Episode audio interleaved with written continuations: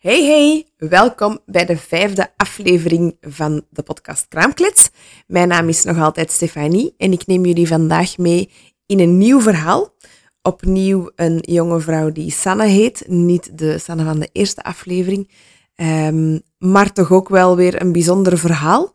Het gaat vandaag over een pup-aandoening. En dat is dan jammer genoeg niet zo'n lief, schattig beestje dat kei blij is wanneer dat je thuis komt als ze me ziet. Um, maar ja, ik heb het een keer opgezocht. Ik probeer het uit te spreken, maar het is echt niet zo simpel. Het gaat over pruritic urticarial papulus and plagues of pregnancy. Benieuwd naar wat het verhaal van Sanne voor jullie teweeg brengt. Veel plezier alvast!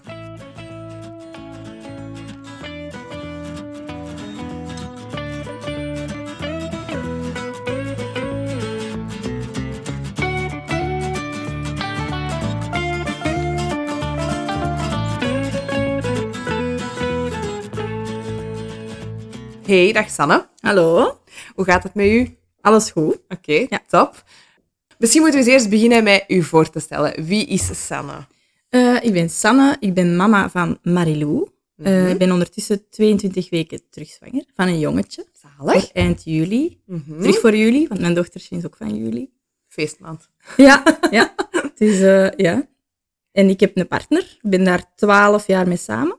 Zalig. Ja, Amai. nog niet getrouwd. Ah. Misschien als hem luistert, stille hint. Dat is hier een kleine hint. dus uh, ja, okay. onze kleine familie. Hè. En Marilou, hoe oud is Marilou? Twee, uh, nu, hè? twee en acht maanden, ja, zoiets. Oké, okay, binnenkort naar school voor de eerste keer. Ja, na de paasvakantie. Grote zus. Spannend. Ook, ja, grote zus, daar kijkt ze heel hard naar uit. Ze is zo elke dag bezig met popjes eten te geven en te verzorgen en met een buik in te smeren en kusjes geven en zo. Ze praat ook nog wel veel over zusje in de buik. Dus dat, dat moet ik Oei. zo nog... Ja, zusje heeft een broertje. Ja, ja, maar dat komt goed. Hè. En dat komt helemaal ja. goed. Ah, zalig. Zo echt een moedertje. Zo. Ja, ja, dat heeft al heel lang eigenlijk. Hè. Maar nu is dat echt zo, ja.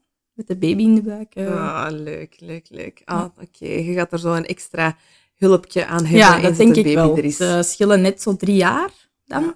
Ja. Dus, en uh, die helpt super graag. Dus ik denk wel dat dat handig gaat zijn. Tuurlijk. Dat leeftijdsverschil. Tuurlijk. En uh, hoe was het om, uh, om zwanger te worden van Marilou? Ging dat vlot? Ja, dat ging eigenlijk heel vlot. Um, ja, ik ben denk ik vier maanden uh, voor we echt gestart zijn om zwanger te geraken, gestopt met anticonceptie. Mm -hmm. Voor zoal is de cyclus mijn lichaam maar wel nog veilig allee, blijven vrijen. Ah ja, dat heb je wel gedaan. Ja, dus ja. echt zo echt doelbewust gekozen Ja. om eerst even je lichaam te laten Ja, afkicken. echt zo te... Ah. Ja, ik had eigenlijk altijd last mee met, met menstruatie, mijn cyclus. Ik had heel vaak ja, tussenbloeien. Ah. Vaak van pil veranderd, eh, van alles geprobeerd. En ik voelde mij daar zo niet goed bij. En dan ben ik denk ik ja, vier maanden ervoor echt bewust gestopt voor te zien wat gaat mijn cyclus zijn zonder hè, Ah, ja. mens, allee, eh, voorboedmiddelen zoals de pil of zo. En dan wel nog bewust echt gezegd van ja, we gaan toch nog wel eh, veilig vrijen. Oké. En dan gestopt na vier maanden. En dan denk ik, ja, de tweede maand was ik zwanger. Oké. Dus eh, bij de eerste maand dacht ik, ja, nu ben ik zwanger. Ik voel het van alles. En, eh, Ja. dat was dat niet, dus ik was zo wel wat teleurgesteld. Mhm. Maar ja, je bent maar een maand bezig, hè, dus... Ja, oké, maar ja, dat is op dat moment zijn, uw traject en uw verlangen naar een Ja, kindje. Hè? Dus ja, en daar is ehm, niks mis dan de tweede maand dacht ik, ja, nee, echt niet, hè. Allee, deze gaat, ik voel niks, er is niks aan de hand of zo. Hè. Ja, En dan toch, toch eh, zwanger, ja. Dus eigenlijk echt heel snel. oké. Ja. En zonder anticonceptie had ik een perfecte cyclus. Elke maand stipt. eh dus Ah, dus eigenlijk met uw anticonceptie Ja. was, uw, was uw cyclus veel rampzaliger dan was zonder. echt niet goed en dan zonder was dat echt perfect. Dus Dat ja, is toch eigenlijk wat dat allemaal met ons doet, hè? ja, en ik, Ja. allee, tot nu toe, ik heb nog altijd niks teruggenomen, ook niet na de zwangerschap. Of nooit iets teruggepakt, omdat ik dat echt niet meer wil. Ik voel Nee. me veel beter zonder. Ah, top. Maar Ja. jij goed. Ja, ja, super. Goed, en dan eh, zwanger. Hoe voelde jij je dan? Eh, Veel misselijk? Moe? Ah, wel, nee. Ik heb eh, nooit, nooit een dag ziek geweest. Nooit misselijk. Nooit moeten overgeven. Nee, niks ervaren van dat. Dus ik kan er niet over meepraten. Als ik soms bij vriendinnen hoor van oei, Ja. ja, ik had dat niet. En nu ook, Eh, bij deze nu ook niet. Nee. En nu is het een Oh, jongen, oh. dus ik had gedacht van, het is terug een meisje, want ik, ik voel net hetzelfde als met mijn Ja. eerste. En het, is- het was dan een jongen, dus ja, het zal mijn lichaam zijn, denk ik, daar gewoon ja. dat zo is, hè, dat zo reageert op een zwangerschap. Ehm, dus ja, nee, nooit misselijk, nooit ziek. Eigenlijk een heel goede zwangerschap gehad. Nooit van iets last. Um, dat was dan ook corona. Hè, dus ik was Ja. eh, vier maanden zwanger of zo, denk ik, dat er corona is ons. Of vijf maanden, vier maanden, denk ik, Mhm. zwanger. Dat de corona uitbrak. Oh, amai. Ja. Dus eh, ja, dubbel. Voor veel mensen wel een toffe tijd. Voor mij dubbel. Ik had ineens wel heel veel tijd, omdat de zaak gesloten was. Met mijn partner wel, Ja. wel wat tijd. We deden dan wel take-away, want we zijn wel zelfstandig. We hebben een tea-room. Mhm. Ehm, dus wij deden wel take-away, maar ja, dat waren minder lange dagen dan, hè, dan normaal. ja, ja. Dus we hadden wel meer tijd voor elkaar en voor... eh, ja, we hadden ook nog niet zo lang geleden gebouwd, dus we waren ook nog niet zo lang verhuisd. Ja. We konden ineens alles schilderen en doen, dus dat kon dan wel Ja. voortgaan, wat dat dan positief was. Eh, maar gewoon zo de, de eenzaamheid wel in de corona. Niemand zag u zwanger. Ik ging elke Ja. dag wandelen rond de vesten in Lier, waar wij wonen. En elke dag deden wij zo een grote wandeling, maar ja, Ja. de mensen die u tegenkwamen zagen uw buikje. Hè, want Ja, maar zo de belangrijke mensen niet. Nee, heel veel mensen niet. En dan, ja, ik ben u nooit zwanger gezien. Hè? En dat vond Ja. ik wel heel jammer, want ja, je zit dan voor de eerste keer zwanger en ja, ja, je, Ja, je wilt je buik laten zien. En ja, en je wilt- weet ook niet dat zoiets gaat gebeuren. Hè? Dat verwacht niemand niet. Ah, nee, Eh, sommige bezoekjes aan de gynaecoloog dat ook mijn partner niet mee mocht doen. Ah ja, juist, ook al. Eh, dus dat was dan ook alleen en dan moest ze facetimen of zo. Allee, dus dat was ook wel zo wat minder tof. Ja.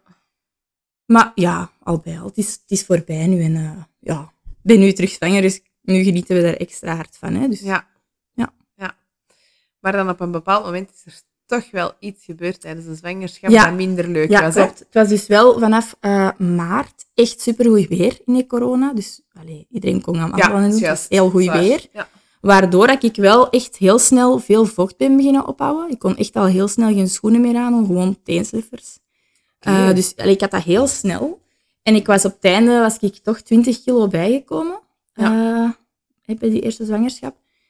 En op 36 weken, echt zo de dag ervoor was er nog niks aan de hand. En dan gewoon op 36 weken kreeg ik zo wat jeuk aan mijn buik. Zo ter hoogte van mijn navel. Dat was op een zaterdag, dat weet ik nog goed, want de dokter werkte niet. En ik dacht, ja, wat is dat nu? Want dat werd wel echt gedurende die dag heel hard. En echt jeuk, maar echt pijn. Ook als je Ah, krapte, ja, dat dat ja, toch wel wat pijn deed. En je tot zag- toe, echt. Ja, echt, echt bloeies tot bloeies toe, ja. Nee. En dan eh, achter ons mama zit een dokterspraktijk. En ik was toen bij haar. Ik zeg, mama, je moet eens zien aan mijn buik. Dat is toch niet, niet normaal, Nee. hè? want je begon dat wel echt te zien. Kleine bobbeltjes zo rond de navel wonen er eh, bobbeltjes. En ben ik naar een dokterspraktijk gegaan. En eh, die heeft dan zo ja, cortisonezalf gegeven, met ant- antibiotica zalf. Ik moest dat eraan smeren en dat ging wel verdwijnen, zei ze. Maar dat kon geen kwaad voor je kindje. Nee, dat kon geen kwaad. Allee, volgens, hè, volgens Ja. haar niet. Ja. Ik heb dan ook nog wel naar, eh, naar de materniteit gebeld voor toch eens te horen. Maar die zeiden ook van nee, doe maar gewoon wat een dokter zegt, dat, dat kan geen kwaad. Ja. En dan zondag ben ik eh, overal beginnen rondrijden naar apothekers gaan wachten, want ik kon dat niet meer uithouden. Heel mijn buik stond ondertussen al vol met uitslag. Eh, die jeuk was ja, een Dus dat was muggenbeet echt op, maal- op maal- 24 uur. Was ja, echt ging wel- heel snel. En ehm, die apotheek zei ook, oei, dat heb, ik nog nooit gezien. Eh, ik mag eigenlijk ja, bepaalde dingen niet meegeven zonder dat een dokter er iets over weet. Maar ik ga dat wel doen om u te helpen, want de Ja. jeuk is echt... Allee, ik kon, kon daar ook niet van slapen, dat was verschrikkelijk. En dan de dag daarna ja, stond gewoon heel mijn lichaam vol. Mijn armen, mijn Oh benen, mijn poep, mijn, Amai. mijn buik, eh, mijn rug zo'n beetje, mijn gezicht niet, gelukkig. En echt rode vlekken? Ja, Of- echt wel. eh, echt, voorstellen? ja, zo bultjes, precies ook soms ge- gevuld met vocht, echt. Zo wat mazelenachtig Ehm, meer, of zo windpokken of zo. Ja, maar echt zonder dat je je huid nog zaagt. Hè. Gewoon echt volledig. Hè. Ja, dus, dus echt extreem. Mhm. En de jeuk, dat was... eh, ja, ik kan dat met niks beschrijven. Dat was echt... Je zegt een muggenbeet beet dat jeukt, maar deze was echt heel je lichaam vol met muggenbeten of zo. Hè. Ja. En, En waren vooral... niet ongerust? Ja, ik had wel naar de gynaecoloog gebeld en ik mocht dan... heb- nee, ik heb daar eerst nog een week gewoon, gewoon mee rondgelopen, denk ik. Ik dacht, ja, ik heb toch een afspraak bij een gynaecoloog. Ik zal wel, ik zal wel zien wat dat wordt. Ja. Ik had wel dan, ja, ik zeg het, mentholpoeder voor de jeuk. Ik had echt tien verschillende tubetjes liggen thuis van zalfjes en noem maar op. Ehm, en dan had ik ook wel, ik had wel gebeld met de gynaecoloog, denk ik, en ik moest antihistaminicum nemen tegen anti-allergieën. Zo Ja. allergieën. Ja. Dat mocht ik innemen, maar ja, dat hielp ook niet. Dat, dat deed niks aan, aan jeuk of dat veranderde niks. En vooral in de nacht, en ook omdat het warm was buiten, werd het eigenlijk nog erger. Hè? En vooral in de nacht, ik kon niet slapen. Je kruipt onder je deken en dat wordt ja, nog harder, nog meer jeuk. En En dat stimuleerde dan misschien ook wat meer ik denk zo dat, iets op dat, je dat en gevoel had ik wel, ja. En ehm, het enige wat ik kon doen, was in de nacht gewoon onder een koude douche staan. Om een beetje ja, comfort te hebben en geen jeuk op die moment. Een koud bad of een koude douche. Maar dus je sliep niet. En ik was 36 weken zwanger.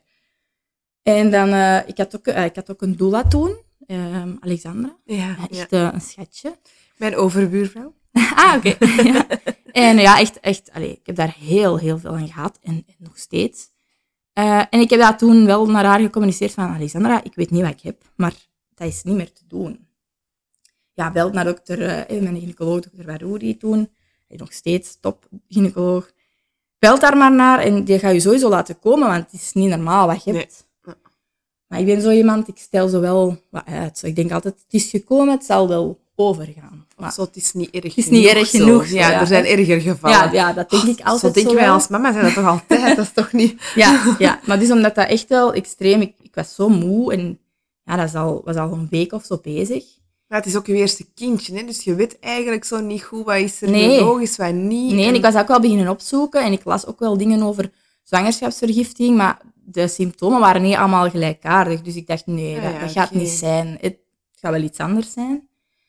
En dan ben ik uiteindelijk, eh, de dag voor ik naar de gynaecoloog gewoon op controle moest komen, heeft hij mij toch naar spoed gestuurd om toch eens te laten nakijken. Mhm. En op spoed zeiden ze eerst zo van, allee, wat komt je hier nu doen? Want je hebt kleren aan en je ziet niet echt Ja, van nee, mijn je gezicht of zo, niks. of mijn handen. Ah, nu niks. gezicht en je handen niks. Nee. Maar gelukkig. Ja. Ergens wel. Ja, ja, want als je zo moet buiten. Ja, amai. Eh, en dus kleedde mij, eh, deed mijn kleren uit en die zei direct van, oei, wat is dat? Dat hebben wij nog nooit gezien. Eh, ik zeg, ja, daarom, daarom ben ik hier. Hè. Want, Ja. allee, ik, ik weet ook niet wat er aan de hand is, maar het maakt mij nu wel ongerust, omdat ik zit er al een week mee. En ja, het was ook allemaal ontstoken door zo te krabben. Hè. Dus alles was wel ontstoken aan het geraken. En ze hadden dan overlegd met de gynaecoloog. En, eh, maar die had mij niet gezien, want de gynaecoloog was druk bezig, maar had wel overlegd. En ja, ik moest met drol opstarten. Dus heel zwa- zware medicatie. Dus ik was wel zo wel ongerust van, amai ja, ik ben wel zwanger. Hè. ja, welk effect heeft dat 37 op je kindje? Een halve week of zo, 37 weken denk ik. Dus ja, inderdaad, wat effect heeft dat. Maar volgens hun was dat niet erg. Maar wel heel zwaar medicatie, dat je strikt wel moest opbouwen en terug afbouwen. Hè. Dus goed gestart, maar dat deed niks. Ik dat, natuurlijk, ze hadden gezegd van aan de eerste dag moet je al effect voelen, want dat is echt iets straf en je moet daar direct effect van voelen, maar ik voelde niks. Dus een dag daarna ben ik terug naar de gynaecoloog gegaan, op controle gewoon. En ja, die zag mij dan voor, voor de eerste keer zo en die zo ook van oei, deze heb ik echt nog nooit gezien. Blijkbaar noemde dat PUP, P-U-P-P-P. Ja, ik heb het opgezocht. Wacht, hè. ik ga dat eens proberen uit te spreken. Hè. Dat is pur- Pruritic, Urticarial Papulus and Plagues of Pregnancy. Voilà, dus eh, PUP is gemakkelijk. dus. ik zeg altijd het is PUP, want ik kan dat niet uitspreken. Ja. Ehm, en dat komt ja, niet zo heel vaak voor. Meestal ook in een eerste zwangerschap. Dus ik ben heel blij dat ik dat normaal nu niet... Want ik had nooit meer aan kinderen wonen. Als ik dat... Ja, echt... Ik had mij in beelden. maar verschrikkelijk, ja. Ehm, dus normaal komt dat maar één keer voor bij je eerste zwangerschap. En ja, hoe dat, dat komt, of wat, dat, dat weten ze niet. Ze weten niet hoe dat, dat komt dat je dat krijgt. Ze kunnen daar niet op Ze antwoorden. hebben geen oorzaak. Nee, zou iets met de lever te maken hebben, ja. Stoffen die in de lever en daardoor dat veroorzaakt. Maar wat of hoe, dat weten ze niet. Ze, ze kijken wel de lever nu bij deze zwangerschap wel meer na, van blijft hij oké? of, hè, Ja. omdat ik dat echt niet wil terugkrijgen. Ehm, maar dus, ja, Baroudi had dan, eh, dokter Baroudi had dan mijn eh, bloeddruk genomen. Ehm, en hij zei wel van, ja, de hartslag van Marilou reageert toch precies wel wat op mijn vermoeidheid of op de medicatie. Dat weet ik niet zeker. Hè. Mijn bloeddruk schommelde ook zo wel wat.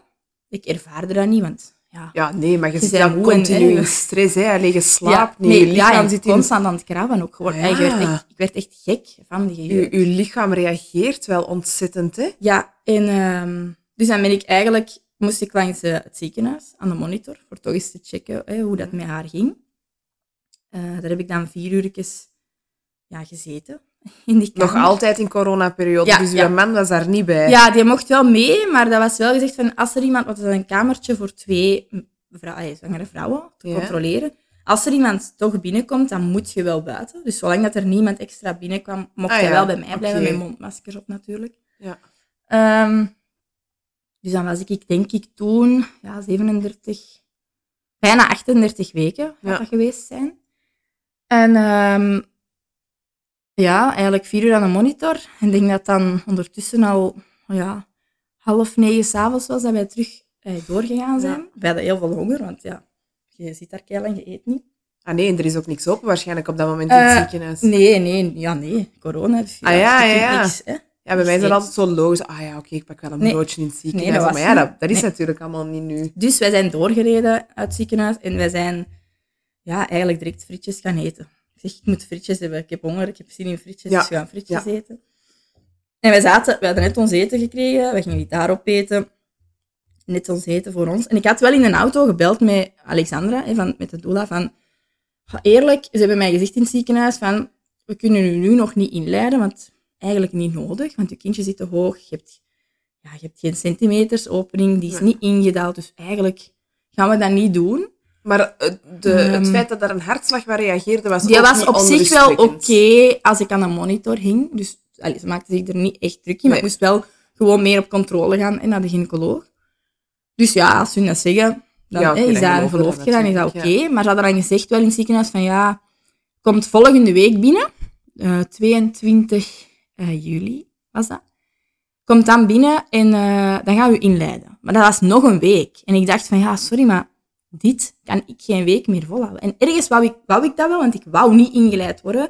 En ik wou mij niet schuldig voelen naar mijn kind toe van...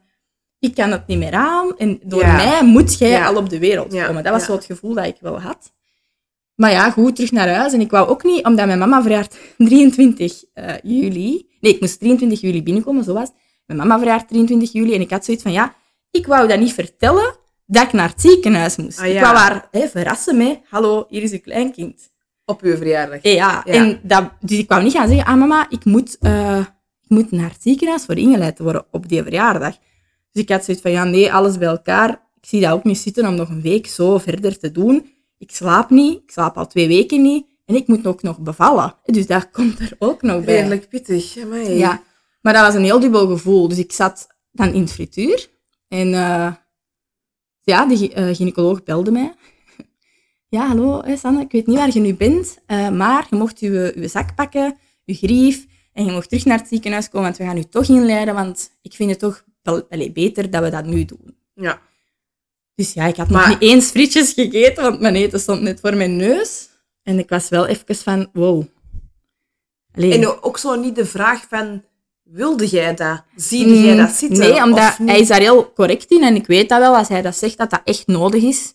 Ja. Dan had hij dat niet gedaan. En ik weet, Nee. als hij echt zegt van, ik wil dat je nu naar, naar het ziekenhuis komt, want we gaan u inleiden, dan weet ik ook wel dat dat echt moest Je vertrouwt je gynaecoloog Ja, ja. echt wel, 100%. Zeker, ja, zeker. Ja. Hij is ook altijd heel eerlijk. En...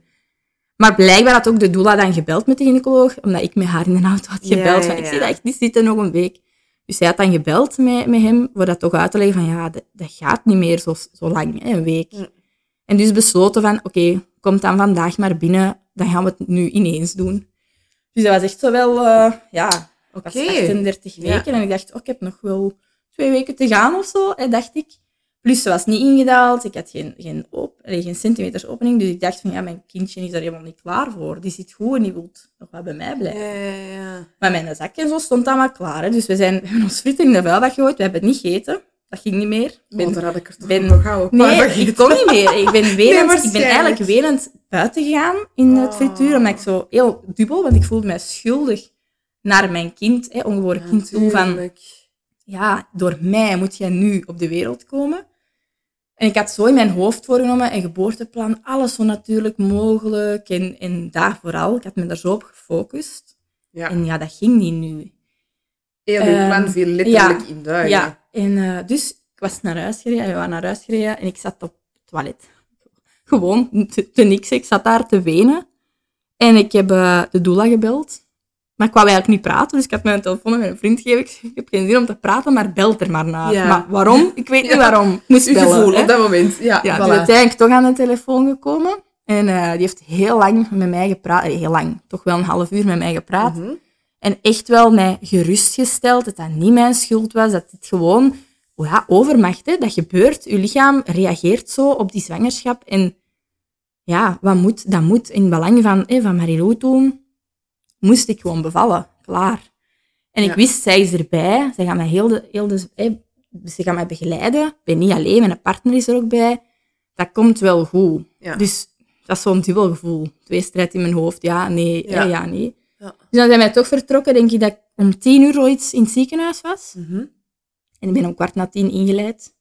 Ja. Ehm, ja, ik kan niet zeggen dat dat niet pijn deed. Bij mij, ik vond, vond dat niet prettig. Dat deed bij mij wel pijn, dat inleiden. Eh, misschien omdat ik mij ook zo opspande, hè, omdat ik dat En totaal pijn niet... In, in welke Allee. zin? Ja, er is zo'n ballonnetje opgestoken en Ja. dat vond ik echt niet prettig. Ik vond dat dat pijn deed. Dat dat echt niet aangenaam Ja. voelde. Nee.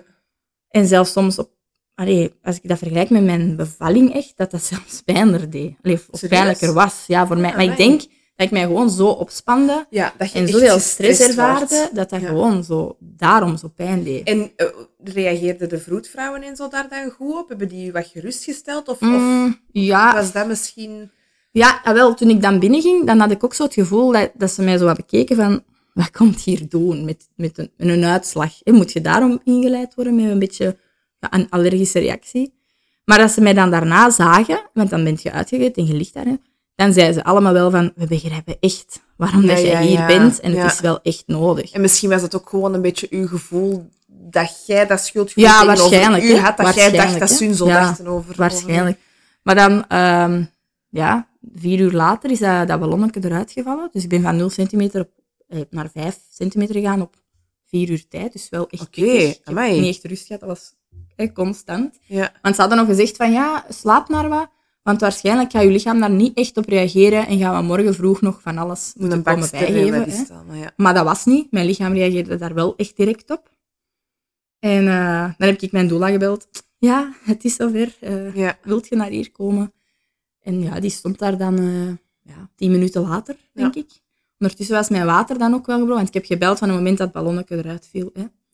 Want ja, vroeger kon ze niet Ja, veel komen doen. veel, ja. Dus dan hebben ze mijn water gebroken. En ja, ik heb zo wat een fout gemaakt. Maar ja, dat weet ik niet. Hè. Dat is het eerste kindje. Om, als je water breken, gewoon even op het bed te blijven liggen. Waardoor Marilou dus kans had om woep, te draaien. En die was als sterrenkijker gaan liggen. Oh, oké. Maar dat wist ik toen nog niet. Nee. Ik heb dat... eh, wacht even nadenken. Tien uur later, ik stond onder een douche. Nog altijd zonder epiduraal. Ik stond daar. Want ik wou zo natuurlijk mogelijk. Hè. Dat was Ja. mijn droomscenario. De doula bij mij, mijn partner bij mij. Ehm, ik was heel rustig. Ik heb geen moment gehad dat ik gepanikeerd heb of gedaan. Ik was wel heel rustig. Ik denk dankzij hun twee. Ja. Eh, maar ik stond onder een douche. Ik stond er al wel vrij lang. En ik had ineens het gevoel van, ik heb persweeën. Ik moet nu persen. Oei. En de Ja. doula zei van, ja, dat mag niet. Je mag niet in een douche. We moeten echt naar het bed en we moeten gaan Ja, voelen van, hoe ver zit het? Dus dan is er eh, een vroedvrouw, een heel goeie, waar ik nog altijd een hele goede klik wel mee heb. En hopelijk is die er terug bij als ik nog, en nog eens moet bevallen. Ehm, komen voelen en ik hoorde haar nog zeggen van... eh, ze heeft, tegen de doula dan ook zo, en tegen mij ook wel, van, ja, ze heeft 6 centimeter, maar de baby ligt in achterste plaatsing. Maar ja, weet ik Ja, dat is voor wat u, dat wil zeggen. Dus ik sloeg dat? wel in paniek van, oei, eh, ik kan dus nog niet bevallen. En ik moet wel, ik heb allee, persdrang, hè. ik wil persen. Ik, Ja. ik heb het gevoel dat ik nu moet bevallen. En dat gaat niet. Dus en dan heeft de doula mij wel direct gerustgesteld van, ja, nee. Marilou is gedraaid, er ligt als sterrenkijker, maar we gaan dat echt wel proberen op te lossen, dat, ja, dat je wel gewoon normaal kunt bevallen. Maar ja, ik ben zo in paniek een beetje geslagen dat ik gezegd heb, ik wil nu epiduralen. Ik kan niet meer, ik wil Ja. nu, nu. Want ik had heel veel echt rugpijn, echt van onder in de rug, dat eigenlijk pijnlijker was dan gewoon in mijn buik, de, Ja. de weeën. Ja. Maar dat kwam dus doordat ze als sterrenkijker lag. En dan heb ik nog eh, ja, een half uur geprobeerd. Linkerzij, rechterzij, want op die manier kon Marilou terug, terug draaien. Handen en knieën op het bed. Maar dat lukte niet. Ik kon mijn weeën echt niet opvangen zo. En dan heb ik echt gezegd van nee, het is goed, ik heb er vrede mee. Ja. Er is niks mis met epiduralen. Maar je hebt ook wel En- alle trucken uit de trucendoos gehaald om het te doen. En dan is het inderdaad Ja. een kwestie van... het En dan is uiteindelijk een half uur later, denk ik, stond dan eh, de anesthesist eh, voor epiduralen te steken. Amai, een half uur nog. Ja, ja, ja. Die, Die was waarschijnlijk bezig met hè, nog mensen. Ja, die, Maar- die durft. Ik heb dat niet ervaren als, oh, zo lang nog. Want op zich was ik wel, wel rustig. Ik had goede mensen rondom mij. Maar ja, die pijn is er uiteraard. Maar Ja. dat was de mooiste pijn in mijn leven. Als ze mij vragen nu, pijn, ja... Ik vond dat de Je kunt mooiste dat plaatsen, pijn. hè, omdat je weet Ja. waarom dat Ja. die pijn er is. En ik hè. weet nog dat, dat de doula, Alexandra, tegen mij zei... Sanne, nu voelt dat hè, pijnlijk. Maar het moment dat dat geboren is, je kindje, ga je die pijn missen. En dan wil je dat terug overdoen. En dat had ik echt zo. Ik was Ja, bevallen en ik had dat inderdaad. Ehm, dus de anesthesist was er dan. Een hele hey, lieve, toffe jongen. Was nu een jonge, jonge gast ook. Echt een, ik had er wel vertrouwen in. Mhm. En het ging ook zo over de naam van het kindje. Maar niemand mocht dat nog niet weten. hè. Nee, nee, nee. En tegen hem heb ik het wel in zijn oor gefluisterd. Oeh, Want hij het was zei een van... knappe, charmante Mm, jonge nee. Niet mijn type. niet mijn type. Maar gewoon het ding van, hij zei, ja, maar ik ben subiet weg. En ik, eh, ja, ik ga het niet weten dan, hè. Dus eh, dat Ja, zo. En ik ja. dacht, allee, kom, ik ga het toch vertellen. eh, tegen. Het is er bijna, dus waarom Oh, maar niet? dat is wel fijn dat je zo'n gevoel hebt kunnen hebben. Ja, maar het, het ging er heel gewoon lachwekkend en rustig aan toe wel. En dat Het vond is ik niet wel- dat het voor u een mega stressvolle Nee. ervaring is geweest, dat Nee. alles in het honderd liep of zo, dat niet. Ik had eh, altijd een, een mooi gevoel aan mijn bevalling. Allee, ik heb Ah, ja. altijd een mooi gevoel mijn- Ondanks dat uw geboorteplan ja, helemaal Ja, ik had daar op die zag. moment echt gewoon vrede mee. Dat was oké voor Top. mij. Ja. Dus en dan epiduraal en ik dacht echt, amai, deze had ik al veel sneller moeten doen. Want oeh, ineens had ik Ja. geen pijn meer. Ik voelde Ja. mijn wegen nog wel, maar het was gewoon, ja, oké. Ik kon een beetje bekomen, ik kon een beetje rusten. Hè. Ja, ik denk altijd, bij mijn eerste bevalling, ik wou ook echt per se zonder epiduralen, maar dan nadien denk ik, dat is toch voor een reden uitgevonden. Ja, ja, maar op zich, er is niks mis mee om het niet te doen en ook niks mis, mis mee om het wel te doen. Maar Ja, dat is waar. nu zeg Ja, ik het ook ja, terug van, als het niet moet, dan ga ik het toch zonder doen. Ik weet niet waarom, hè, om het toch eens te voelen, hoe het voelt Maar je hebt het gevoeld, hè? Een heel Ja, groot stuk, hè? Ja, maar ik het weet bevallen het, tien uur lang. Hè, ja. ja, het bevallen of zo, ik weet niet. Ik wil het ook zo eens zonder doen. Maar we zien wel, hè. ik heb Ja, ja, ja. als het anders loopt nu. Hè. Nu heb je in je hoofd wel een plan B. Ik heb geen plan. Mm, Ja, maar ik heb geen plan. Ah, je hebt ik gewoon heb geen zo, plan go deze with the keer. flow en we zien wel wat er komt. Ik denk dat dat nou het beste plan Want is. ik wil niet meer voorbereid zijn, want dat, dat gaat toch niet. Er loopt niks zo. Ja, de kans dat dat misloopt is er natuurlijk altijd. Ja, het hè. enige wat ik nu gewoon hoop, allez, hoop, is dat ik niet ingeleid moet worden.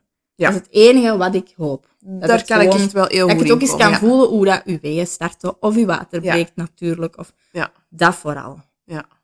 Maar dan ehm, ja, heb ik nog, eh, denk ik, even denken, zes uur lang, met epiduralen dan wel, linkerzij, rechterzij, handen en knieën.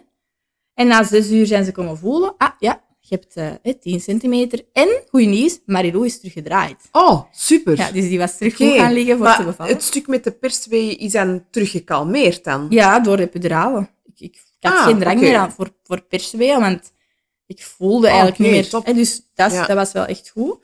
Dus ik heb Ja. gewoon rustig nog, linkerzij, rechterzij. eh, Alexandra zei nog, oh, Sanne, slaap maar wat. Want straks eh, terug wat harde werk en dan Ja. kun je wat rusten. Maar Ja. ik kon niet slapen. Ik zat zo Nee. vol met Adrenaline. adrenaline. ja, dus dat ging niet. Ja. Ehm, ja, en dan zes uur later eh, mocht ik beginnen persen. kwam eh, dokter Baroudi binnen. Ik was heel blij dat ik die zag. Maar ik weet nog, ik heb zo gelachen, want eh, in tijden van corona, ja, die kwam binnen met een schort en, en een helm op zijn hoofd. Maar Een helm? ja, precies. Of die ging met een motto rijden. En ik heb dat ook echt gezegd tegen hem van, wat ga je doen? Met een motto rijden of mijn bevalling? Dus we hebben wel gelachen ook. Ja. Ik heb daar ook een foto van. Hè. Dat was echt hilarisch zelfs. En wat was dan de Eh, reden dat hij Ja, voor, het bloed. Hè. Dat, dus met de corona moest iedereen heel hard ingepakt Ah, zijn ja. en dingen. En dat was echt zo'n speciale helm. Oh my god, Allee, ja. Maar voor mij was dat precies of die ging met de motto rijden. Hè. Ah, Dus ik moest echt lachen toen.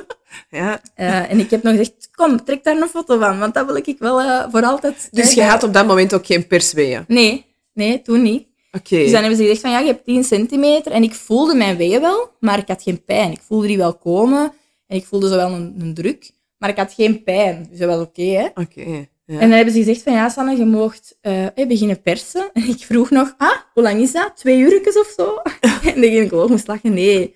Ehm, soms een kwartier, soms een half uur, soms een uur, maar meestal niet langer. En ehm, ja, ik heb eh, eigenlijk constant geperst. Hè. Je, je pakt lucht, je, je Ja, ja, geeft terug ja. kracht eigenlijk. En een uur en een kwartier heb ik geperst. Ja. Amai. En dan was ze geboren. Dus de laatste pers heb ik haar echt zelf aangepakt en op mij gelegd. Die fut hadden nog. Ja, ik had zo'n adrenaline. en ik- Ja, Toch zotte dat wij als mama zijn de kunnen, hè? ja, het is echt gek wat een- een bevalling ook gewoon met je doet. Ja, ja, ja dat is Ehm. de kracht dat je op dat moment hebt, kun je op Nee, geen enkel nee, dat is ander echt moment een, een leeuwinnie nu dat naar boven Ja. komt. En nu gaat het ervoor en je wilt je Dat kind is echt bij u. een en- oerkracht, hè? Dat is Ja. ongelooflijk. Ja, dus eh, ja, dat was iets heel uniek en speciaal. En je vergeet dat nooit meer. Nee. Op het moment dat je die aanpakt en op u legt en die Ja. begint te wenen, hè, dat, is, dat is hetgeen dat je wilt Ja, horen. ja, hè. dat is de schoonste schreeuw van heel je leven. Ja, Dat is ja, zo. dat is Ja. echt. ehm, en ik weet nog dat ik, het eerste wat ik zei was, ik hoop zo dat ze gezond is. Ik keek naar mijn partner en dat was het eerste wat ik zei, ik hoop zo dat hij gezond is. Dat maakt niet uit hoe dat hij eruit is, dat ze maar gezond is. Ja. En was dat dan Ehm. uit angst van die medicatie dat je had moeten Ik nemen? weet niet, of dat kwam gewoon in mij op en ik dacht, dat, allee, dat is gewoon Ja. het belangrijkste. Ja, ja. Ehm, ik denk misschien wel, onbewust wel, ja, door... Maar het is niet dat je echt nog met die medicatie Nee. zo in je hoofd en- Nee, Want op het moment van dat nu ween en zo was dan eigenlijk alle jeuk van in je lichaam Nee. gekalmeerd, Nee. of niet? nee, dat is altijd gebleven. En eigenlijk na de bevalling is dat nog erger geworden. En want dat was door de epiduralen. Vaak hoort je dat blijkbaar, dat mensen in hun benen jeuk krijgen daarna. Ja. Maar is dat oké wel? Dat is jeuk, dat oké is. Maar bij mij was dat gewoon nog... Hoe meer dat je krapte, gestimuleerd. ja, hoe meer dat, dat werd gestimuleerd. Hè. Dus ehm, dat was wel echt extreem toen. En hebben ze dan echt straffere medicatie gegeven? Omdat je Dat ging niet meer. Nee, dat Ah. ging niet meer. Dat was het enige dat ze konden. Diamedrol was al eigenlijk een van de strafste dingen dat ze konden geven. Dus ja, dat, ik moest dat toen nog een week pakken, want hey, opbouwen, afbouwen. Ja, dat, dat was ja, gewoon doorgaan. Hè. Ja. En dan, ja, dan is het dan, dat lag dan op mij. En dan ehm ja, denk je van, oké, het is voorbij. Hè. Allee, het is... eh, Mhm. ja, je bent er vanaf en je gebeurd. kind ligt bij Voilà, je. Ja, ja. kan beginnen nu met drie, maar ja, dus de gynaecoloog dacht van, eh, hup, ik zie u van de week wel, of morgen, of ik kom wel langs. Oké, goed. De doula was ook zo wat aan het voorbereiden om al wat te vertrekken. En want ja, met de corona, normaal blijft ze langer, maar met de corona moest iedereen gewoon zo rap mogelijk doorgaan. Ja. En ineens eh, de, eh, loopt de doula naar buiten. Die roept naar de gynaecoloog. Dat was het enige dat ik nog zo echt herinner. En er komt vier man binnengestormd. eh, met een arm naar daar, met een arm naar daar, links een arm, rechterarm, allemaal opzij getrokken. En een bakster links, een bakster rechts. Ik dacht, allee, wat nu? Want ik ben er vanaf, mijn kind ligt hier, het is toch oké? Maar dus mijn placenta kwam niet los. Oei. En eh, normaal geven ze daar tijd voor, hè. dat kan een uur later. Maar bij mij bleef dat heel hard bloeien. Dus ik was heel veel bloed aan het verliezen. Ah, ja. Eh, ik merkte dat niet, hè, want ja, ik had epiduralen, dat was nog verdoofd. En Uw een kind adrenaline ligt bij u en wel. dat is al wat dat telt? Ja, ja. Maar dus, ja, die kwam er niet uit. Die kwam niet los. En dus de gynaecoloog terug binnen, iedereen een beetje in paniek. Ik had dan blijkbaar baksters gekregen met antibiotica tegen ja, ontsteking of zo. Ehm, of En hebben ze dat uitgelegd wat dat ze gingen doen? Hebben ze Ja, gezegd dat, was heel, dat ging niet. Dat moest echt snel gebeuren. En je leeft ook in een, op die moment in een roes. Je zegt, ja, is bevallen en je Ja. weet niet wat er gebeurt. Ik weet wel dat mijn vriend aan de kant moest, dat dat even wat paniek was, maar ik heb dat niet zo ervaren. Nee, jij zat echt nog ja, op je wolk. ik vond het oké wel. Ik dacht, oh, Ja. doe maar. Allee, ik, Ja, ja, ja. ik wist zo niet goed wat ik moest voelen. En ik heb dat niet ervaren als iets, iets slecht of zo. Nee. Het enige, op die moment, mijn gynaecoloog kan echt lachen en onnozel doen, maar ook heel serieus zijn als het nodig is en zeggen, en nu is het zo, en, Moet het zo, hè? En daar dat, ben ik heel blij om. En hij is voor mij komen zitten en heeft gezegd, ik moet nu die placenta lostrekken. Auw.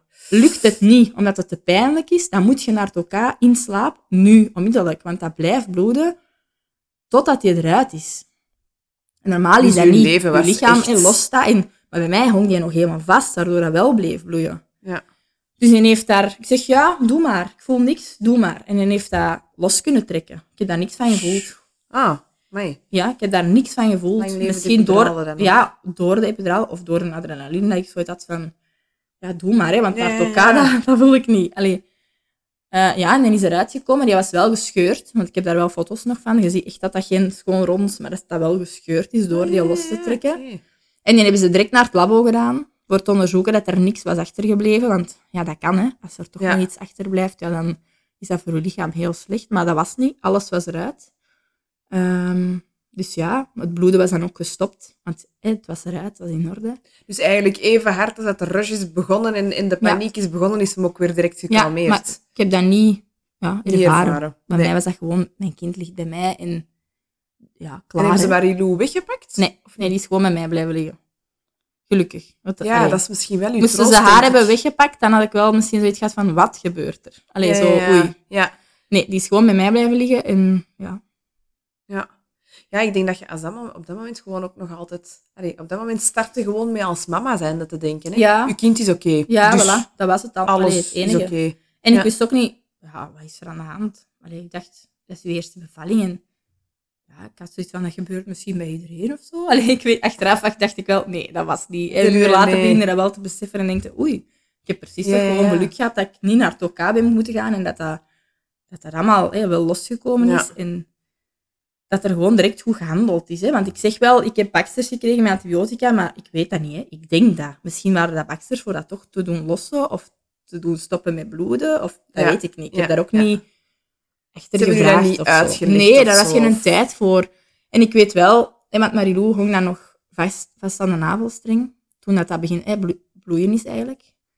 Ehm, en ik weet dat ik wel in mijn geboorteplan had gezegd van ik wil dat de navelstreng niet meer klopt, dat al het bloed terug bij haar is voordat die doorgeknipt wordt. Ah, ja. Dat was echt zoiets dat ik wou. En eh, ik, ik weet dat ze zei, ja, de papa mag, mag knippen. En dat ik zei van, oh, wacht, ik wil voelen. En ik heb die vastgepakt en ik voelde geen hartslag meer. En die mevrouw, ik weet niet meer hoe ze eruit zag of wie, ik weet niet meer, die daar zat, die zei, nee, we hebben hem afgekneld, want we moeten nu handelen, want je blijft bloeden. Eh, dus ik voelde geen hartslag, want hij was afgekneld. Dus ze hebben gewoon, ja, mijn partner heeft geknipt. Dat mocht nog, snel, snel, snel, up, hij mag knippen.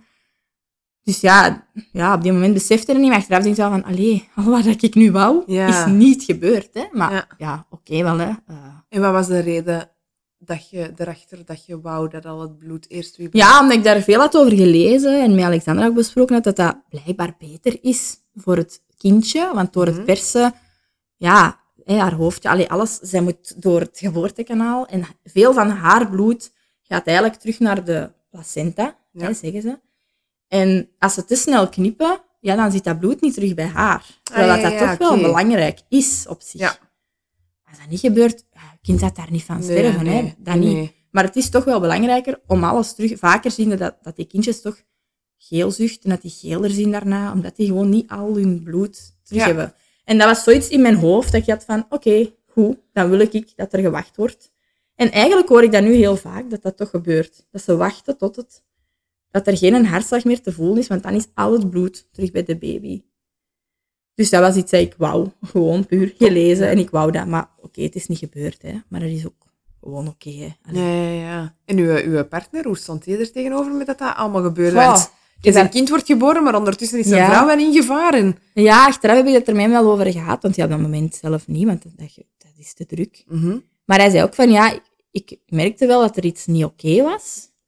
Maar hij had ook zo'n vertrouwen in de gynaecoloog wel, en de, en de doula die erbij was, en iedereen er rond, dat hem zoiets had van, ja, dat, dat komt wel goed. Hij zei, ik heb Ja. geen seconde gedacht van, oei, er gaat wel iets gebeuren met u, of Ah ja, oké. dat niet. Omdat hij zei, iedereen bleef ook wel, was wel in paniek, maar bleef toch wel rustig. Ja. Niet, niet door Er de gangen gehandeld Allee, worden, dus maar- Ja, er moest wel gehandeld worden, maar iedereen heeft dat wel gewoon rustig gedaan. Nou, dat is wel... Allee, waardoor er geen eigenlijk is dat paniek wel was. fijn dat je op die manier dat ervaren hebt. Hè? Ja. ja, en hij zei ook, moest er echt iets heel ergs... Op die moment dat je zegt van, oei, zij kan nu sterven, dan hadden ze mijn kind ook niet bij mij laten liggen. Dan hadden ze die aan hem gegeven. Of dan hadden ze... Hè, Eigenlijk het feit dat Marilou op u is blijven Ja. liggen, is eigenlijk beide jullie Ja. grootste troost en kalmeringsmiddel geweest op dat moment. mhm. Voor mij zeker. En ja, ik denk voor hem ook wel, omdat hem zei, hè, anders had ze Ja. weggepakt Ja.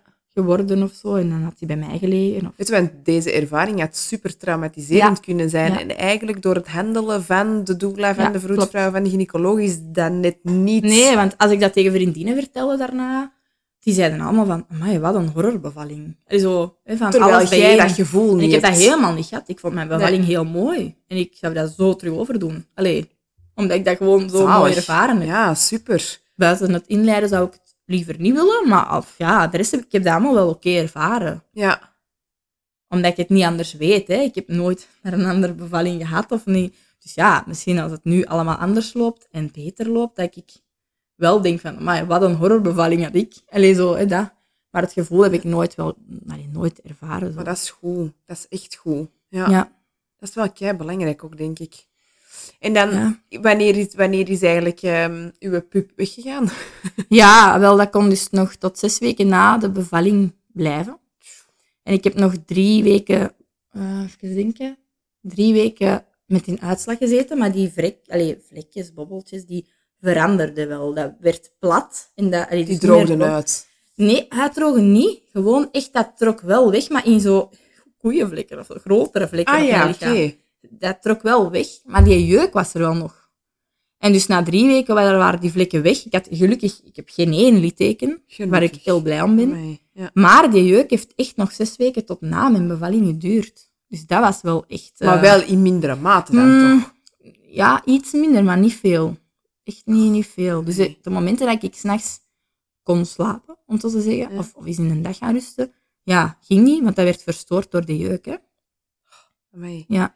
En heb jij je, je, je kraamtijd dan iets of van rustig kunnen beleven? Of heeft dat dat net een beetje belemmerd? Eh, ik heb niet echt op een roze wolk geleefd. Hè. Maar dat kwam dan niet door uw baby, maar eerder door de jeuk. Goh, van alles bij elkaar. Ik ben dus bevallen. Wij lagen dan op onze kamer, op de materniteit. En eh, de dag daarna eh, is dan de kinderarts gekomen. Die komt het kindje gewoon nakijken, zoals dat altijd gebeurt. En die, eh, ik weet nog, ik lag in mijn bed en zij was op de verzorgingskussen Marigo aan het nakijken. En ze draaide zich om en ze zei tegen ons van, ah, ehm, jullie kindje moet opgevolgd worden, want ze heeft asymmetric crying face. Dus ik dacht, wat, wat is dat? Nog nooit Ja. van gehoord. Waarom moeten dat ook allemaal zo Ehm, moeilijke namen ja, zijn? Ja, Ah. voilà. Hè, En ik had wel zo direct het gevoel van, oei, wat is dat? En dan ehm, vroeg ik aan haar, ja, wat is dat dan? Ah ja, nee, ze, ze gaan nu wel wat eh, uitleg komen geven en zo nog. Maar eh, voor nu, allez, dat is het. En, dus maar nu- dat vind ik ja. verschrikkelijk. Zeg dan gewoon ook niks. Ja. Wacht dan met... Oftewel zeg je ineens alles en geef er een duidelijke uitleg en stel de mama gerust. Oftewel zeg je niks. Ja, en ze zei ook niet, heeft het misschien. Ze zei, uw dochter heeft dat. Of jullie dochter heeft dat. Hè. Dus oké, goed, ze legt die terug bij mij en eh, die gaat door. Wij zitten daar met drie op, de kamer. En ik begin dat uiteraard op te zoeken. Hè. Ah Google, Dr. Google. moet, ik moet weten Oh wat dat is. Maar dat is ook niet altijd goed, hè? Nee, dat weet ik, maar ja, op die moment is ja, dat, uw enige optie, Ja, ja, want is- niemand geeft u een uitleg. Niemand zegt u iets. Ja, ja, ja, dat is... En wat ik daar gelezen heb, dat was het, het ergste ooit. Dus er was, dat was een heel zeldzame ziekte. En er was nog allee, niks nog goed aan mijn dochter. Als ik dat las. Dus van lever tot hart, tot orgaan, alle organen, tot hersenen, tot ontwikkeling. Tot Oh alles wat ik was, was niet goed. En dan dacht ik wel van, oei, eh, wat nu? Want de eerste woorden die ik zei tegen mijn partner was, ik hoop zo dat ze gezond is. En daar ging het al. Hè? Dus nog geen, nog geen allee, 24 uur later. Ah, mij.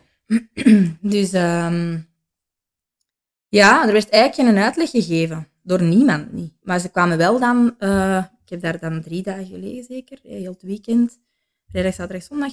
En heel het weekend kwamen ze wel vijf, zes keer per dag binnen. Ze kwamen naar hoofdje meten. Nog eens hoofdje meten. Nog eens hoofdje meten. Ze kwamen watjes in de pampers steken voor urine op te vangen dat onderzocht moest worden. Ze kwamen bloed trekken. Ze kwamen nog eens bloed trekken. Ze kwamen Allemaal echt... baby. Ja, van alles doen. En op die moment, nu denk ik echt, allee, waarom heb ik je dat allemaal laten doen? Want waarom Ja, ben je daar op dat moment ingegaan? Of niet? vertrouwt, hè? Dat... Ja, omdat je niet beter weet. Nee, en omdat dat je is- nog niet sterk genoeg in je schoenen staat als mama. Nu zou dat nooit meer zo gebeuren, want nu zou ik eerst willen weten waarom, Waarom? dat dat Ja. gebeurt. Op die moment, ja, doe maar. Hè. Allee, er wordt ook niets gevraagd, ze Ja. doen het maar. Hè. Ja, ja. En, En ik op weet dat wel- moment mag het met u allemaal misgaan, maar niet met uw nee, kind. Nee, en ik weet En- wel dat ik vroeg van, wat, is dat allemaal standaard wat hier gebeurt? Wordt dat bij elke baby gedaan? Ja, ja, dat is allemaal vrij standaard. En zo dat kreeg dat uitleg. Heel vaag. En ik weet nog dat ik zei van, ja, maar je komt vier keer op een dag haar hoofd meten. Dat gaat niet ineens vijf centimeter gegroeid zijn. Hè. Wat, allee, wat is het? Ja, haar hoofdje is wel wat kleiner. Ik zeg, ja, ik moet ook tot nu toe nog altijd bij de kindjes een hoedje gaan kopen omdat ik een kleine hoofdomtrek heb. Wat Ja. verwacht je dan? dat mijn dochter een, hè, Ja, een gigantische- groot heeft. Ja. Allee, mijn partner heeft ook een kleiner hoofd, dus dat maakt toch niet, niet uit. Eh, maar ja, we kregen niet echt uitleg. En dus maandag, ik lag daar dan van vrijdag, zaterdag, zondag, maandag.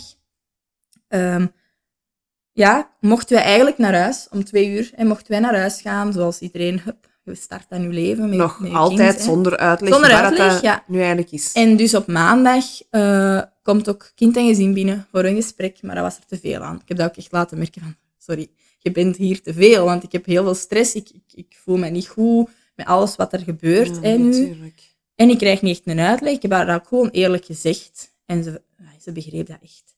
Maar op die moment dat hij daar dus stond, kwam er een ja, vroedvrouw, verpleegster van op de afdeling binnen. Mhm.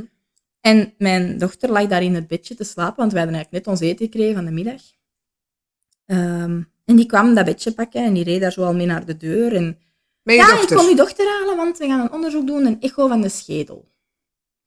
En ik ben toen echt binnen wenen. wij ja, dit? Ja, voilà. Is dat oké? ja, en ook, je gaat toch mee als mama? Je ja. er toch bij zijn ook gewoon? No way dat mijn Allee. kind wordt weggenomen zonder dat ik Ah, of nee, mijn want wat partner... gaan ze met je kind doen? Maar ja, zeg. Allee, weet je, We hebben allemaal films en, gezien. eh, ja, ja, voilà, voilà. inderdaad. Ja, Eh, nee. Dus ik ben wel beginnen wenen toen. Ehm, en ik heb gezegd van, nu ben ik het beu. Want ik lig hier van vrijdag. Ik weet niks. Ik weet alleen dat mijn dochter een mega ernstige ziekte zou hebben. Dat is wat ze mij zeggen. Meer weet ik niet. Ehm, en nu gebeurt er een echo van de schedel. Eh, waarom? Hè? Ja, ja, ja. En dan zei hij wel van, ah ja, oh, normaal mocht je niet mee met de corona, maar allez, gaat dat maar mee. Ehm, dus ik weet dat ik op de gang echt zei van, sorry, maar de communicatie loopt echt niet oké. Ik ben heel content van hier, ik ben, alles is goed, maar die communicatie is gewoon niet oké. Ehm, je bent net mama geworden, je eerste kind, je, allez, je Ja. wordt inges- inge, ja, ingesmeten met alles. ja, en dat dat, is- dan ook nog eens, ik bedoel, dat is er te veel aan. En dan echo schedel, oké, goed. Dat was een hele vriendelijke dokter. Die was eh, ook wel op leeftijd al wat. En die zei direct van, mijn kleinkindje had even eh, omtrek van hoofdje hetzelfde als uw dochter. Die is ook gezond, daar is niks mis mee. En ik zie niks op de echo. Voor, voor mij is alles in orde. Dus dat stelde mij wel gerust. Allee, de eerste dokter na vier Ja, dagen, dat heeft ja. u... Ja, dat stelde mij echt gerust. En ik mocht met haar terug op naar de kamer rijden. Eh, en de verpleegster, die, allee, of de vroedvrouw die er toen, die ging wel mee. En die zei van, ja, ik begrijp je wel, maar ja, je mocht dat niet liggen opzoeken. En alleen. eh, ik zeg, ja, maar hoe zou je zelf zijn? Ja, kom aan, dat gaat over dat doet meest iedereen. Als je... belangrijkste Ja. bezit in uw leven. En dan ehm, ja, stonden we eigenlijk klaar om eh, nog wat spullen van de geboortelijst op te halen. Want je moest een tijdslot, hè, met de corona een tijdslot Mhm. doen. Dus we hadden dat al geboekt, want we mochten om twee, twee uur naar huis. Psychosie stond klaar, alles was ingepakt. En we wouden eigenlijk vertrekken na dat onderzoek. Mhm. Dat er iemand binnenkwam, ik weet niet of dat een dokteres was, of ik weet het niet. Eigenlijk, op die moment, hè, je, Ja. je hoort niet meer wat ze zeggen Nee. of zo. En die zei van, ah ja, meneer, ehm, jullie mogen nog niet doorgaan, want jullie hebben nog in het ziekenhuis hiernaast, kinderziekenhuis, eh, heel veel onderzoeken gepland staan. Ik zeg, ah ja, en wat dan? Ja, een echo van de lever, een echo van de nieren, een EKG van het hart. Je moet nog bij een hartspecialist komen. Ik zeg, en dat moet allemaal nu, en wij weten daar niks van. Ja, maar die onderzoeken zijn vrijdag allemaal al gemaakt en gepland voor jullie. Ik zeg, ah, en dan wordt nu, een momentje voordat we naar huis gaan, wordt dat gecommuniceerd. Dat, dat is echt niet oké. Nee. Want ik mocht ook geen bezoek krijgen tijdens corona. Dus mijn ouders en schoonouders en noem maar op, wouden wel hun kleinkind Ah ja, eindelijk zien. Ook al mocht er geen bezoek thuiskomen. Sorry, Ja, ja, ja. hè? dat is normaal dat uw ouders dat Ik willen. snap het, helemaal. Ehm, en dat ging niet, want wij moesten nog keihard doen. En dus eh, ik wel echt boos geworden toen en gezegd van nu ben ik het echt beu. Ook Ik wil alles doen voor mijn kind. Alles voor jullie beslist en bepaalt en plant, zonder eens even met En elk onderzoek, als dat moet gebeuren, dan wil ik dat doen. Uiteraard, maar wij zijn zo moe. Wij zijn zo op, ook van stress en gedoe nu alles. En dat moet ook nog eens allemaal gebeuren. En dan hebben ze er wel voor gezorgd dat dan een echo van de nieren en de lever werd verplaatst naar een weekje later. Maar ja, dat is geen troost, want je moet nog altijd Ja, gaan. ja, voilà, ja. Dus dan zijn wij er gegaan en hebben wij een EKG van het, van het hartje gehad. Eh, dat ging echt niet goed, want ja, die, die zuignapjes, die lossen, want die was zo klein. Dat elke keer opnieuw. Niet gelukt nog eens, niet gelukt nog eens. Ja. Dat is echt niet tof. En ehm, je ziet je kind daar liggen op zo'n tafel. En je zit zelf op een stoel, want ze zeggen dat dan, ga maar daar zitten. Wij gaan een EKG doen. Maar nu zou ik gewoon bij mijn kind gaan zitten en zeggen, hier, leg ze maar op mijn arm Ja, voilà. en doe het maar zo. maar, Want ja. nee, dat, is, dat is niet oké. hè? Nee. Je kind weet totaal niet wat er gebeurt. Het is net geboren. Ja, ja, ja, dat is... Ehm, en dan moesten wij daarna bij de, bij de specialist komen. Een hele goeie. Ik heb er echt allee, alleen maar lof voor, want het heeft dat echt wel goed aangepakt. heeft een heel goed gesprek gehad met ons en alles was oké. Er was enkel een heel klein gaatje in het hartje te zien, wat dat heel vaak gebeurt bij kindjes die te vroeg geboren worden. Dat is niet erg. Een jaar later moesten ze terug op controle komen. We hebben dat ook gedaan en dat was toe. Dat was perfect, alles goed. Ja. Maar dus naar huis. We zijn dan uiteindelijk naar huis gereden om, ehm even denken, hè, vijf uur in de namiddag, terwijl we eigenlijk om twee uur door mochten. En om, om, om zes uur kwam er bezoek. Oh, dus, tof. Ja. eh, ik had ook stuwing, mijn borsten ja, waren allee, verschrikkelijk pijnlijk. Ik had stuwing, eh, naar huis gereden. Ik heb heel de weg gehuild. We zijn nog gestopt bij een apotheek, want ik moest voor mezelf nog wat medicatie hebben. We moesten nog rap zijn, want een apotheek ging eigenlijk bijna sluiten. Dus zo alles snel, snel, snel. Eh, ik zat naast haar in een auto en ja, je bent nog altijd niet zeker dat je kind wel of niks heeft. Ondanks de onderzoekjes die er nu gebeurd waren, dat die wel oké waren. Maar ja, dat kan altijd. Het is niet gezegd dat ze alles heeft van de symptomen die er dan zijn. hè. ja. Ehm, ze hadden ook bloed getrokken en we moesten drie maanden wachten op de uitslag. Want Drie dat werd maanden? Ja, naar genetisch onderzoek gestuurd voor alles uit te zoeken, voor te zien of dat er toch iets was of niet. Van, hè, van die ziekte dat ze dan zeiden. Dus wij hebben eigenlijk drie maanden geleefd in het ding van, ja, gaan we ons kind nu afpakken? Gaan ze, ja, is ze gezond of niet? Mag ik mij daaraan hechten? Mag ik die graag zien? Terwijl je die Oh, dood graag amai. ziet. Hè? Want ja, van het moment dat die bij u ligt, zie je die dood graag. Tuurlijk, en elke dag groeit die liefde. En, dus ja, Maar dat is niet oké dat Nee. je als mama zijnde met die vraag moet nee. zitten. En, van- en het ding was ook dat iedereen wel zei, maar alleen die ziet er toch gezond uit. Daar is anders niks mis mee. Maar zelf weet je dat niet. Je weet dat niet. Dat zijn woorden dat je altijd tegen iemand anders zegt. Ja. Maar als je in die situatie zit, Waardoor ook mijn borstvoeding dus heel slecht ging. Want ja, stress. stress, stress, Ja. stress. En ja ik, ik, ja, ik genoot ook precies zo van niks zo. Ik kon niet genieten van... Wel van mijn kind, want ik zag die dood graag en ik had niet liever dan dat die bij mij lag. Maar je hebt ook angst en je denkt van, wat als die wel dat heeft? Ja, ja. Ehm, en wat als die binnen een jaar er niet meer is of zo? Allee, ik weet niet. Oh, Of dat. echt. Ja, want de levensverwachtingen waren niet zo, niet zo hoog ook niet. En niemand kon er een antwoord op geven. We moesten gewoon drie maanden wachten op genetisch onderzoek. Dus aan vrijdag zijn we wel, een week later zijn we teruggegaan. Hebben ze nog een echo van de nieren en de lever aan. Die was ook allemaal in orde. Alles goed, niks op te zien. En ik heb toen wel gedacht van ja, als dat nu in orde is, blijft dat dan ook gewoon in orde? Of kan dat door die ziekte dan wel... Nee, zeiden ze, als het nu in orde is, blijft het in orde voor die ziekte. hè, Want anders zou ze het al hebben gehad. Allee, Dus dan zou het ook willen zeggen dat ze die ziekte niet heeft. ja, dat wisten ze niet. Want het kon ook uiten in eh, ontwikkelingsachterstand of, in, of, of iets... Ja. Ja. noem maar op. Hè, epilepsieaanvallen, blind, eh, doof. Oh. Dat waren dingen die ze nu nog niet konden zeggen. Ehm, dus ja, dat is ook iets dat je niet wilt natuurlijk. Nee, hè. tuurlijk Allee. niet. Eh, dus eigenlijk hebben wij gewoon... Ja, die onderzoeken waren goed, maar we hebben wel drie maanden moeten wachten op de uitslag. Hè. Totdat wij terug naar het ziekenhuis mochten en, en dat wij binnenkwamen. Dan, die dokteres begon al te lachen. Die zo, je ziet nog niet, maar ik stel jullie gerust. Alles is oké. Die besefte wel van Ja, ja. hoe lang dat wij hebben moeten wachten. En hoe lang... Hè. Gelukkig. Plus, plus was besefte. corona. Je kon... We hebben het eerste maand met haar kunnen buiten komen, want dan was het nog wel terug hè, de horeca en zo open. Maar daarna niet meer. Dus je zit daar twee maanden, of, of onder, of anderhalve maand ongeveer, ja, thuis, na te denken, te lezen. één vragen. duizend en één vragen. En, en je kijkt honderd keer naar je kind op een dag. Want wat er ook bij stond, was dat de mond helemaal scheef ging hangen bij zo'n kindje. Hij is met die crying face, Ja. dus dat dat niet allee, gelijk was, het gezicht en zo. Maar wat Marilou had, als hij hard weende, dan ging die haar ene kant van haar mondje zo wat schever. Maar blijkbaar, achteraf ben ik bij babyosteopaten terechtgekomen en zo, dat dat gewoon was door als sterrenkijker vast te zitten en dat er gewoon spiertjes waren die niet zo los Ja. waren. Ja. Maar dat was dus waar de dokter zich toen had op gebaseerd. Ah, haar mond staat scheef als ze, als Dus ze heeft die dus ze heeft het, want ze heeft ook een klein hoofdje. En ja, dan, dan, allee, dat is het. Ah, ja, ja. maar ja, dat was het niet, want het had hel niks. Dus na drie maanden waren we eigenlijk gerust van, oké, nu is het in orde, ons kind is gezond. En Dus na drie maanden konden dat ook wel effectief afsluiten. ja, en was er ja ook zeker afsluiten, dat... konden afsluiten, maar tot nu niet meer. Allee, nu heb ik dat wel echt losgelaten door er veel over te praten met mijn partner, met familie, met vriendinnen, met, met noem maar op, hè, mensen die je tegenkomt. Veel mee kunnen praten, maar tot eigenlijk tot, ja, een half jaar terug of zo, nog niet, misschien nog zelfs zo lang, niet, korter, zat ik daar wel echt hard mee. Want dat is een tijd die niet meer terugkomt. Nee. En die tijd hebben ze u afgepakt door slechte communicatie. Ja. Als ze met mij gewoon deftig hadden gecommuniceerd en met mijn, mijn partner, met misschien, en we gaan onderzoekjes doen, maar eh, de kans is kleiner, of noem maar Ja, op, hè, ja. want alles is al oké. hè.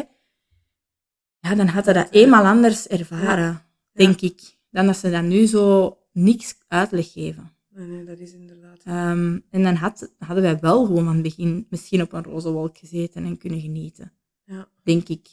Oh, En als je dat met andere mensen toen, ja, toen vertelde van ik voel mij, want ik huilde heel veel. Oh, ja. Ik weet dat ik echt veel huilde, maar dat ik niet wist waarom. Dat ik gewoon begon te wenen en dacht van, ik word hier overladen met emoties en ik weet niet wat. Oké, waarschijnlijk ook door die bevalling, zwangerschap, hormonen.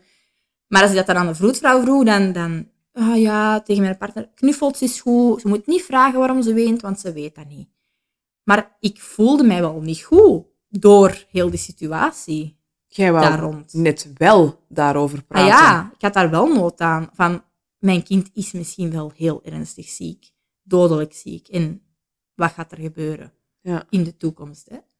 Maar Marie-Louise zegt het, ja, oh, houd vast, ouwe. is een heel gezond kind. En ja, is zelden ziek. Heeft een, volgens mij een goed immuunsysteem. Ik heb met kerstmisgriep gehad. Die heeft vier dagen bij mij geweest en heeft dat niet overgekregen. Dus ik hoop dat hij ja, dat die zo gezond blijft. En ehm, ja, nu dat allemaal achter mij. hè. Oké, eh, Ja, is ja, voorbij, maar hè. toch. Maar ik, ik, ik weet wel dat het mij triggerde dat toen ik dan ontdekte dat ik terug zwanger was en dacht van, hmm, ga ik thuis bevallen? Want terug in die, in die omgeving, in die kamer, waar ik wel ook positieve dingen aan heb, maar gewoon Ergens het toch getraumatiseerd zijn wel een Ja. deel, hè? Ja, en, en ik ben daar nooit meer terug geweest. Ik ben daar nooit meer iemand gaan bezoeken. Ik ben daar niet meer terug geweest. Dus ik weet niet hoe gaat dat voelen voor mij om, om dat allemaal terug te komen. beleven. Ja, Hè, ja, zo, de kinderarts die langskomt en zo, dat allemaal. Ja. Ehm, dus En ja, is dat iets waar je met je gynaecoloog of met, met je doula nog over Ik heb- kunt ik spreken? heb daar eigenlijk nooit met iemand over gesproken. Ik weet ook niet hoeveel mensen dat, dat effectief weten, dat wij zo ja, alles hebben moeten onderzoeken en noem maar op. Dat weet ik eigenlijk niet. Familie wel, maar voor de rest weinig mensen, denk ik. Ja. Omdat je zo niet, ik wil zo niet de zagende klaag zijn die zo over haar kind gaat. hè, zo dat zeggen. Nee, maar ja, het gaat wel over uw ervaring, over uw Ja. lijf, over uw kind, over uw ervaring. Een ervaring van een kind op de wereld zetten is een ervaring dat nooit nog terugkomt. Nee. Hè? Dus ik denk dat dat wel kei Nee, belangrijk en is eigenlijk dat omdat je ik net mijn bevalling heel mooi heb ervaren, is het daarna zo bergaf Ja, gegaan. ja. En ik heb nu al gezegd van als ik beval wil ik direct naar huis. Ik wil daar niet liggen. Maar Ja, ja, het echt gewoon postklinisch. ja als dat kan. Maar we Ja. zien wel. Ja. Als dat niet is, oké, ja, dan...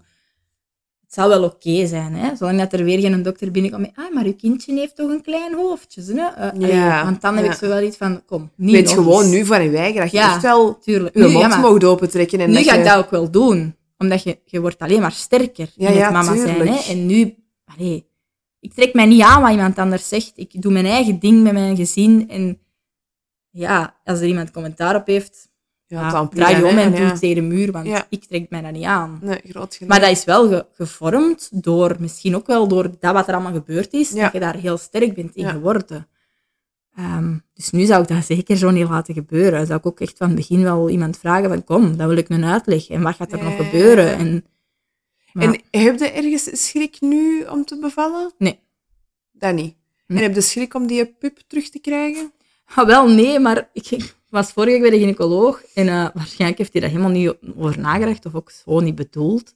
Maar ik moet eh, naar een trouw in Zwitserland van mijn beste vriendin, vijf weken voor mijn uitgerekende datum. Mhm. En we gaan met een auto en ik zie daar super hard naar uit, want dat is echt de trouw dat ik niet wil missen. Ja.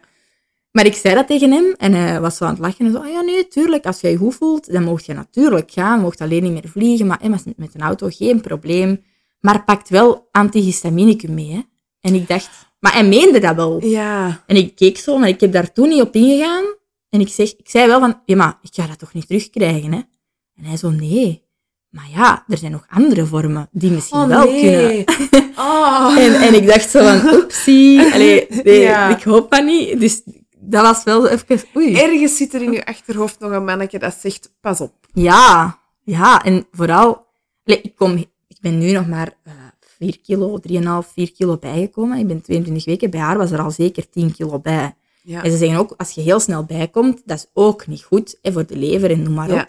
ja. Dus hij volgt dat nu wel extra op. Oké. Ook de lever wordt meer gecontroleerd, nog dingen in het bloed worden meer gecontroleerd. Dus Ja, oké. Dus ze moest er het gebeuren, ja, voilà, dan zal het wel sneller gezien worden. Maar Ja. toch, ik had wel eh, even zo, oei, wat zegt hij nu? Ah ja, oké. Maar ja, we zien wel. Maar Ik- het vertrouwen is er nog altijd. Jawel, zeker. Ja, zeker. Ik had ook gevraagd, mag ik thuis bevallen? Maar dat, dat mocht niet met die placenta, omdat de kans Ah, ja. terug, er terug is, dat dat Ja. wel terug gebeurt, Ja. dat die placenta niet loskomt. Dat weten ze niet op voorhand. Ja. Dus ja, ik heb er vrede mee. Ik ga gewoon in het ziekenhuis bevallen en eh, met mijn gynaecoloog. Hij is er sowieso bij, want hij is niet op vakantie. En hij zei, ook al heb ik weekend of ben ik er niet, ik kom sowieso. Oh, dat is kei fijn. Dus, oh, dat is eh, echt fijn. Hij doet meestal zo- al zijn bevallingen die hem opvolgt wel zelf, als het kan. En hij is niet op vakantie. Maar op die moment is hem niet op vakantie, dus ik ben wel gerustgesteld. Oké, dat is toch al iets. Maar eerst nog naar Zwitserland. Ja, ja da- daar kijk ik echt naar uit. Daar tel ik echt naar af. Ah, ik hoop zo hard dat je het niet terugkrijgt. en dat het gewoon genieten gaat worden. En dat ze achteraf toch net iets beter communiceren. Ja, dat vooral. Dat is echt iets... een- allee, ik, wijs niemand met de vinger en ik...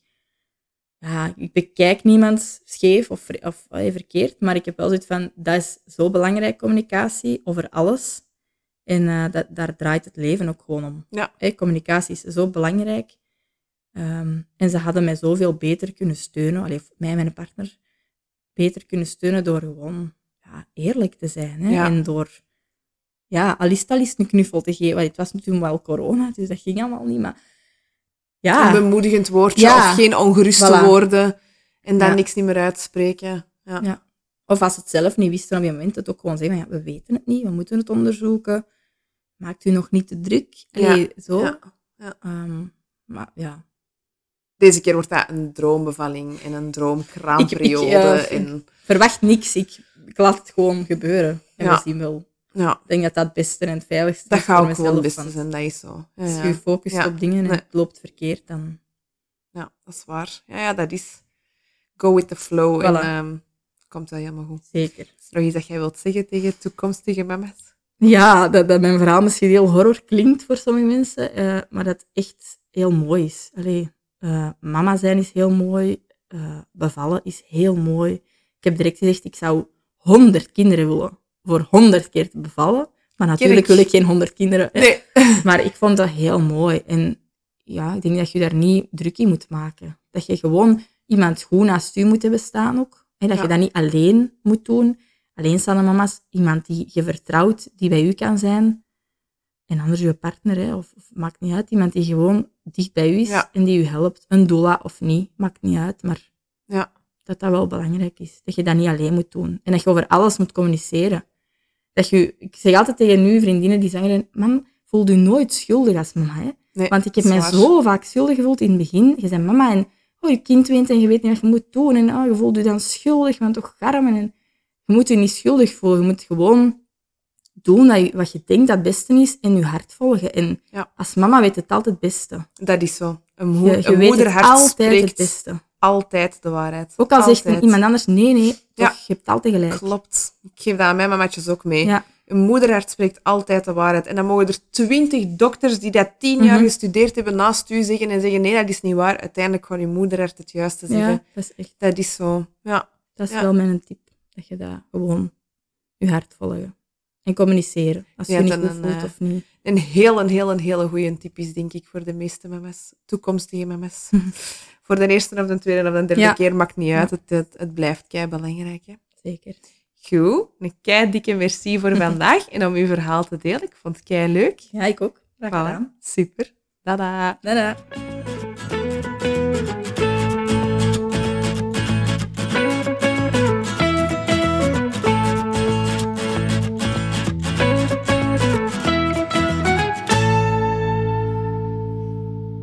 Bedankt dat jullie alweer hebben geluisterd naar uh, deze aflevering.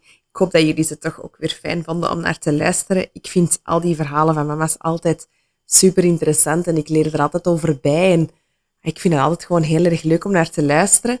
Uh, ik hoop natuurlijk wel dat niet al te veel mama's dit, uh, dit hoeven mee te maken. Net zoals bij andere dingen dat we hier al hebben gehoord in de podcast. Um, ja, en ik denk als we hier één ding uit mogen, mogen leren, is het wel dat we als ondersteunend team bij vrouwen die zwanger willen worden, zwanger zijn of, of bevallen zijn, dat we daar toch echt wel rekening moeten houden met die communicatie, dat die ongelooflijk belangrijk is, altijd, overal. En ook dat wij als vrouw zijnde echt wel mogen opkomen voor ons lichaam, voor ons kindje, voor onszelf. Dus onthoud dat zeker en vast, dat dat altijd en overal kan, mag en eigenlijk zelfs moet. Jouw lichaam, jouw kindje, jouw leven. Dus ja, neem het zeker mee. Bedankt en tot de volgende keer. Ciao!